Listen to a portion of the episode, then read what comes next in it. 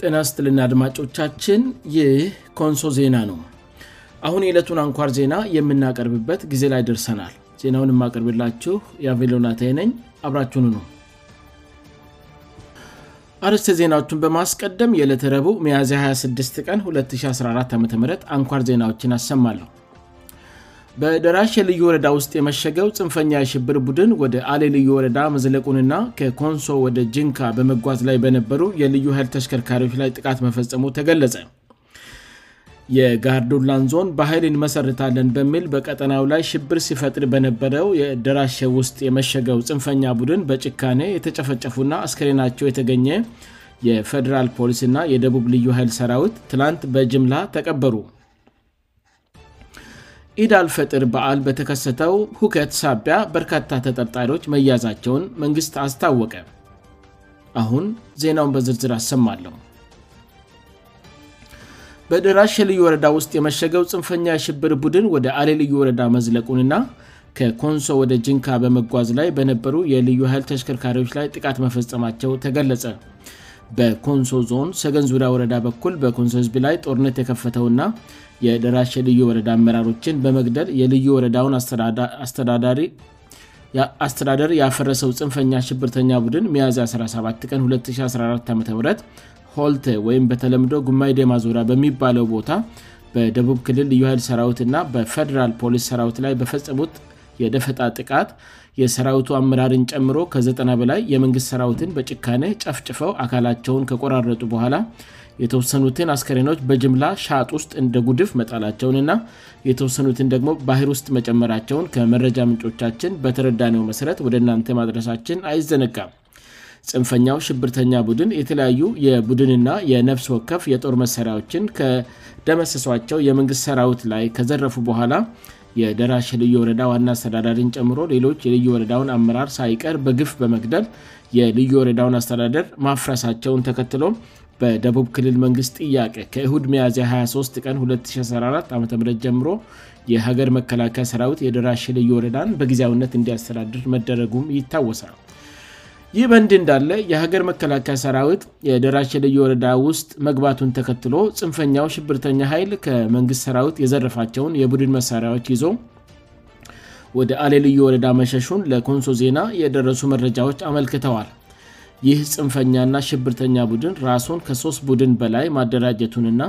እያንዳንዱም ቡድን ከነብሶከፍ የጦር መሣሪያዎች በተጨማሪ በ3ት መትርየስ እና በአንድ ስናይፐር ጠመንጃ የተደራጀ መሆኑ ተገልጿል በስልታዊ ሁኔታ በማስያ ቀበለ በኩል የኮንሶ ህዝብ ላይ ሌላ ጥቃት ለመፈጸም እቅድ እንዳላቸውም ለኮንሶ ዜና የደረሱ መረጃዎች አመልክተዋል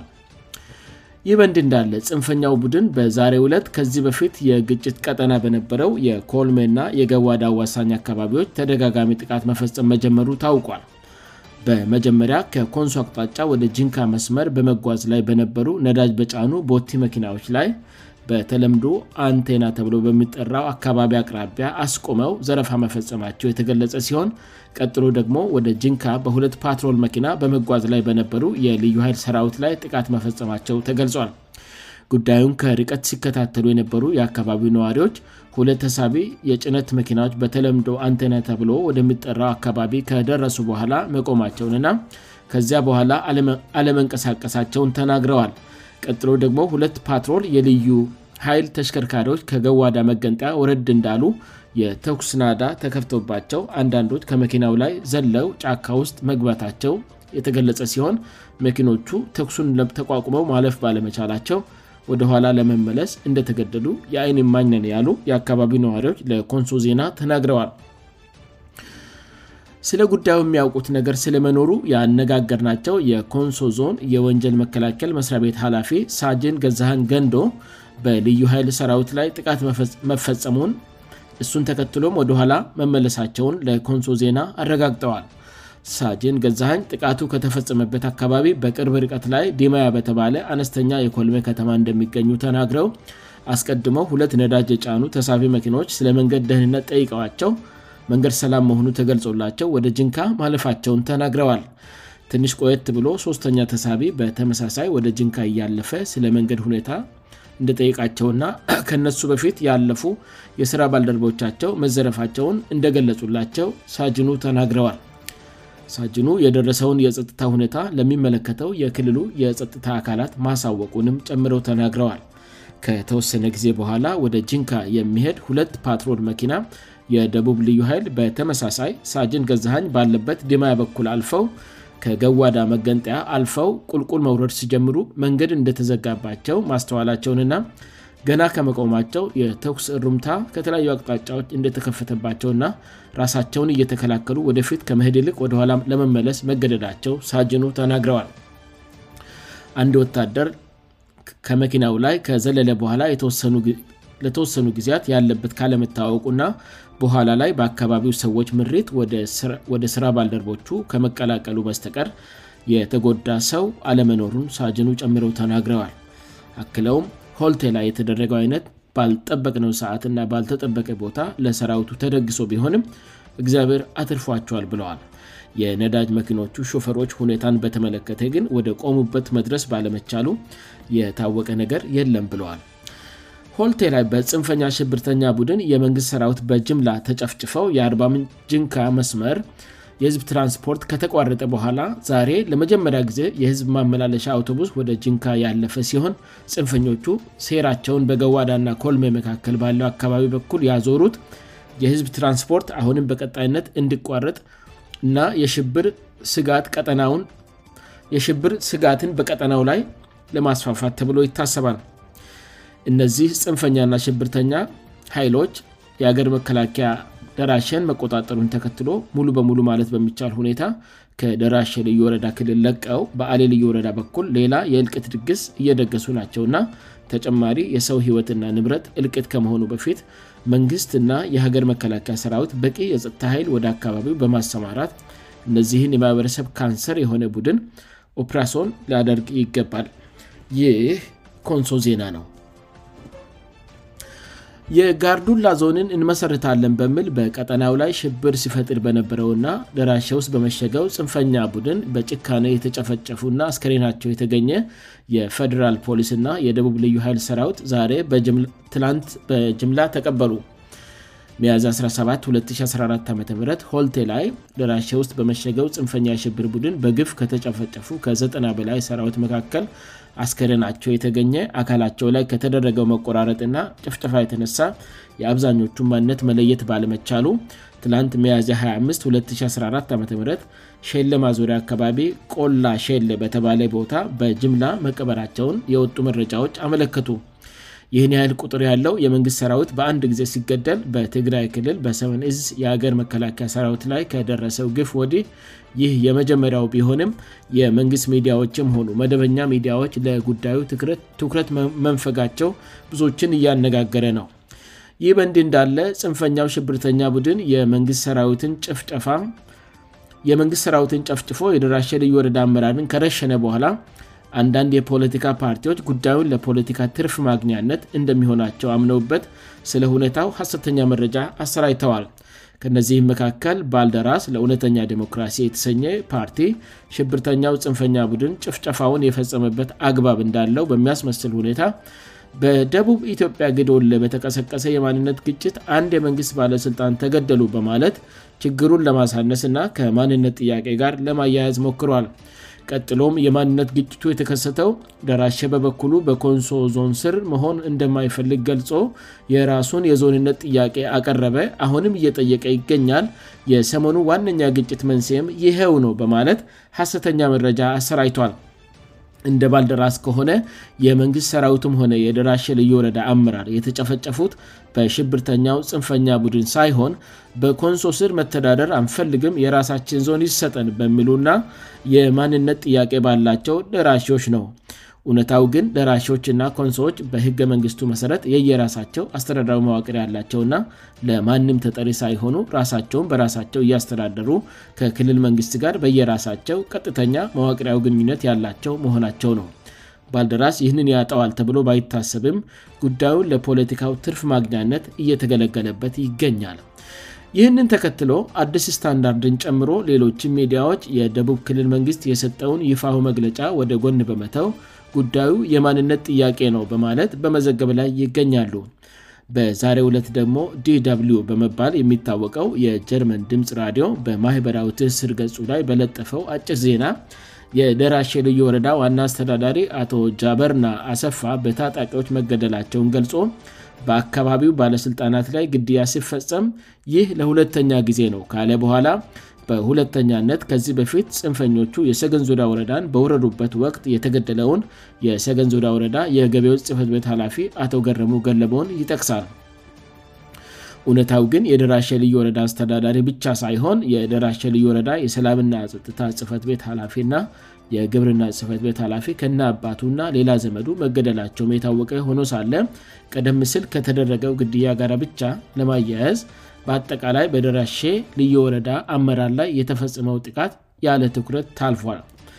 ሌላው ደግሞ ከባለፈው እሁድ ጀምሮ አካባቢው በሀገር መከላከያ አስተዳድር ስር መሆኑ በደቡብ ክልል መንግስት ተገልጾ ሳለ ከመቼው ወረዳው የሰላምና ጥታ ላፊ እንደኖረውና እንዲህ ያለ መግለጫ ለሚዲያ ለመስጠት እንደበቃ በራሱ ግራሚያጋባ ሆኗል የደራ ልዩ ወረዳ የሰላምና ጥታ ጽፈት ቤት ላፊ የደቡብ ልዩ ኃይል ና የፌደራል ፖሊስ አባላት በተገደሉበት ቀን መሰዋቱን የደቡብ ክልል መንግስት ገልጾ ነበር አሁን የደራሽ ልዩ ወረዳ የጸጥታ ኃላፊ ስለ ልዩ ወረዳው አመራር አገዳደል ተናገሩ የተባለው መረጃ ራሱ ግድያው በተደራጁ የጋርዱላ ዞን ጥያቂ ፅንፈኛ ኃይሎች መደረጉን ለመሸፋፈን እየቀረበ ና ደቡብ ክልል በጉዳዩ ላይ ከሰጠው መግለጫ ጋር በቀጥታ የሚጻረር ነው ከዚህ ቀደምም ኢምስ e ለተባለ ሚዲያ ከግዶለ መረጃ የሰጡ አንድ የሃይማኖት አባት እንደሆኑ የተናገሩ ግለሰብ የተገደለውን ዋና አስተዳዳሪ እየወቀሰ ና መገደላቸው አግባብነት እንዳለው የሚያስመስል ንግግር መናገራቸው አይዘነጋም ይህ ኮንሶ ዜና ነው ኢዳል ፈጥር በዓል በተከሰተው ሁከት ሳቢያ በርካታ ተጠርጣሪዎች መያዛቸውን መንግስት አስታወቀ ሰኞ ሚያዝ 24 ቀን 2014 ዓም በተከበረው 1443ኛ የኢዳል ፈጥር በዓል ላይ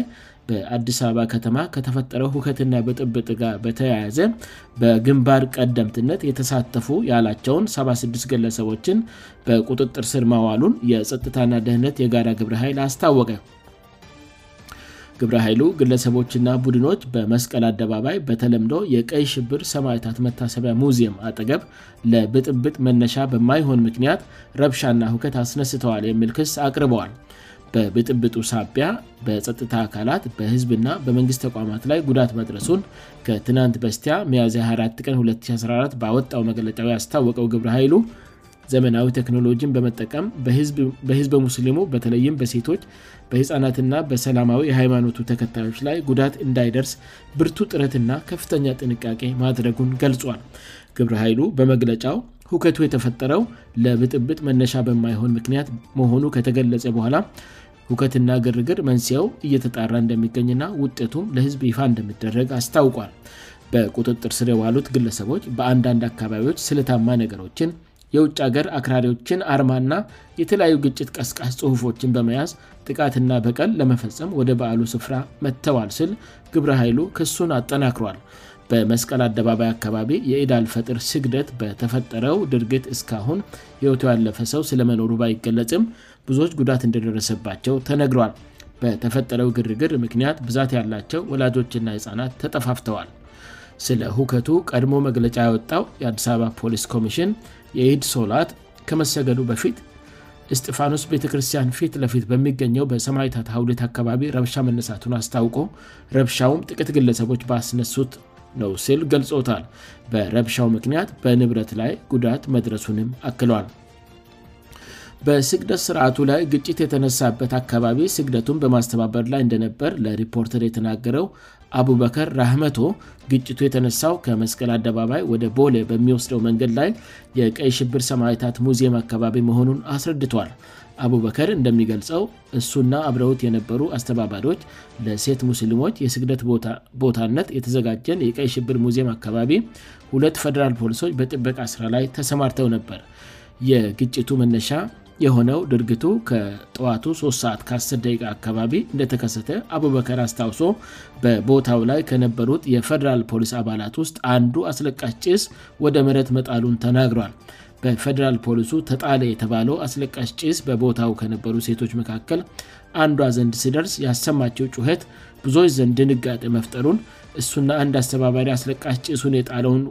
የፌራል ፖሊስ አባል ይዘው ማነጋገር እንደጀመሩም አስረድተዋል የፌደራል ፖሊስ አባሉ አስለቃጭ ሱ በስህተት እንደወደቀበት መናገሩን የገለጸው አቡበከር በስህተት ነው የሚባል እንኳን ጭሱን በፍጥነት ማንሳት ይችል ነበር በማለት ጉዳዩ በአጋጣሚ የተፈጠረ ስለመሆኑ ጥርጣ እንዳለው ተናግሯል የጭሱን መታየትና የተፈጠረውን ግርግር ተከትሎ በሌላ በኩል የነበሩ ወንድማኞች ወደ ቦታው በመምጣታቸው አስለቃጭ ሱን የወረወረው የፈራል ፖሊስ አባል ሮጦ ቀሽብር ሰማይታት ሙዚም መግባቱን ገልል ይን ተከት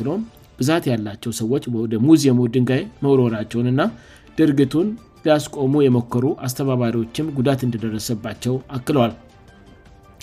ሪፖርተር ያነጋገራቸው የፌደራል ፖሊስ የህዝብ ግንኙነት ላፊ አቶ ጃይላን ብራሂም አስለቃጭስ ጥሏል ስለተባለው የፈደራል ፖሊስ አባል ለቀረበላቸው ጥያቄ ጉዳዩ ከሃይማኖት ጋር እንደሚያያዝ በመጥቀስ በመንግስት ከተሰጠው መግለጫ ውጭ ምንም አስተያየት እንደማይሰጡ ተናግረዋል ብዙ ሰዎች ግርግሩ በምን እንደተነሳ አያውቁም በሚለው የኢድ ሶላት አስተባባሪ አቡበከር ብዙዎች ድርጊቱ ውስጥ የተሳተፉት በዕለቱ የተፈጠረውን ባለፈው ሳምንት በጎንደር ከተማ ከተከሰተው ድርጊት ጋር በማያያዝ እንደሆነ አስረድተዋል ጪሱ ከተወረወረ በኋላም ቢሆን ሁኔታውን ተቆጣጥሮ ስግደቱን ማስቀጠል ይቻል የነበረ ቢሆንም ትክክለኛው እርምጫ ባለመወሰዱ ነገሮች ከቁጥጥር ውጭ መሆናቸውን ገልጿል የተጀመረው የኢዳል ፈጥር በዓል ስግደት ላይ የተፈጠረው ከመስቀል አደባባይ እስከ ነገሀር ድረስ መዛመቱንና በአካባቢው የተሰበሩ መስተዋቶች የመኪና መንገድ ማካፊያ ብረቶችና መቀመጫዎች አሉ ተብሏል ግጭቱ በተነሳበት አካባቢ የሚገኘው የቀይ ሽብር ሙዚየም ከአጠገቡ የሚገኘው ቡክዋልድ የመጽሕፍት መደብር መስተዋታቸው በሙሉ ረግፏል ሙዚየሙ መግቢያ ላይ የሚገኙ ሁለት መኪኖችም መስተዋቶቻቸው ላይ ጉዳት ደርሷል ከ25 ቢሊዮን ብር በላይ ወጪ ተደርገበት የመኪና ማቆሚያ እና መቀመጫዎች እንዲኖረው ተደርጎ ሰነ 2013 ዓ የተመረቀው መስቀል አደባባይም የጉዳቱ ሰለባ ሆኗል የአደባባዩ በሮች ላይ የሚገኙ የመስተዋት ቤቶች ስረግፉ የሲሲቲቪ ካሜራዎች ወድቀው ታይተዋል አደባባ ዙሪያ የሚገኙ መቀመጫዎችም ተገነጣጥለዋል ሪፖርተር ያነጋገራቸው የግዚቢሽን ማይከል ና የገበያ ልማት ድርጅት ዋና ስራ አስፈፃሚ አቶ ጥላሁን ታደሰ የደረሰውን ጉዳት ምን ያህል እንደሆነ መረጃ ተጠናቅሮ ለመንግስት መቅረቡን እና መንግስት ቢገልጸው ይሻላል በምል የጉዳት መጠኑ ምን ያህል እንደሆነ ከመናገር ተቆጥበዋል ከመስቀል አደባባይ አልፎ ከ ከለገሃር በሚወስደው መንገድ ላይ የሚገኙ ህንፃዎች ውስጥ የሚገኙ ካፍቴሪያዎች መደብሮች ባንኮችና ቢሮዎች መስተዋቶቻቸው ተሰባብረዋል ኦሮሚያ ባህል ማእከል አካባቢ በሚገኘው ጌታሁን ብርቅህንፃ ሁለተኛ ፎቅ ላይ የሚገኘው የኦሮሞ ነጻነት ንቅናቄ ፓርቲ ቢሮ ጉዳት ከደረሰባቸው መካከል አንዱ ነው የፓርቲው ልቀመንበር አቶ ደረጀ በቀለ ለሪፖርተር እንደተናገሩት ከምድር ላይ የተወረወሩ ድንጋዮች በቢሮ በረንዳእና ቢሮ ውስጥ የሚገኘው መስተዋት ሰባብረዋል ከመስተዋቱ ያለፉ ድንጋዮች ጠርጴዛ ላይ የነበሩ ኮምፕተሪች ላይ ጉዳት እንዳደረሱ ልቀመንበሩ ገልጸዋል ፖሊሶች ትናንት ማክሰኞም 25ንበቢሮው ላይ የደረሰውን ጉዳት ተገኝተው መመልከታቸውን የተናገሩት አቶ ደረጄ በፓርቲው ላይ የደረሰው የጉዳት መጠን 84 ሺብር መገመቱን አስታውቋል ባለፈው ሳምንት ማክሰኞም ያ 18 ቀን 2014 በጎንደር ከተማ በሙስሊሞችና የእምነት ስፍራዎች ላይ ከተፈጸመው ጥቃት በኋላ በተለያዩ ከተማዎች የሚገኙ ምስሊሞች ተቃውሞ ሲያሰሙ ቆይተዋል በወራቤ ከተማም የእምነት ስፍራዎች ላይ ጥቃት መድረሱ ይታወሳል ማክሰኞ ሚያዜ 25 ቀን 2014 ዓም መግለጫ ያወጣው የመንግስት ኮሚኒኬሽን አገልግሎት ያለፈውን ሳምንት በኢትዮጵያውያን መካከል የተዘረጋውን የአብሮነት ገመድ ለመበጠስ ያያቀዱ ወንጀለኞች ብዙ ጥፋትን ለማድረስ በብርቱ የሞከዱበት ወቅት ነው በማለት ገልጾታል ህብረተሰቡም ከጸጥታ አካላት ጋር በመተባበር ወንጀለኞችን አሳልፎ እንዲሰት ጠይቋል ዘገባው የሪፖርተር ነው ይህ ኮንሶ ዜና ነው አድማጮቻችን ዜናውን ከማብቃት በፊት አርስ ዜናዎቹን በድጋሚ ያሰማሉሁ በድራሽ ልዩ ወረዳ ውስጥ የመሸገው ፅንፈኛ የሽብር ቡድን ወደ አል ልዩ ወረዳ መዝለቁንና ከኮንሶ ወደ ጅንካ በመጓዝ ላይ በነበሩ የልዩ ኃይል ተሽከርካሪዎች ላይ ጥቃት መፈጸሞ ተገለጸ የጋር ዱላን ዞን በኃይል እንመሰርታለን በሚል በቀጠናው ላይ ሽብር ሲፈጥር በነበረው ደራሸ ውስጥ በመሸገብ ፅንፈኛ ቡድን በጭካነ የተጨፈጨፉ ና አስከሬናቸው የተገኘ የፌደራል ፖሊስእና የደቡብ ልዩ ኃይል ሰራዊት ትናንት በጅምላ ተቀበሩ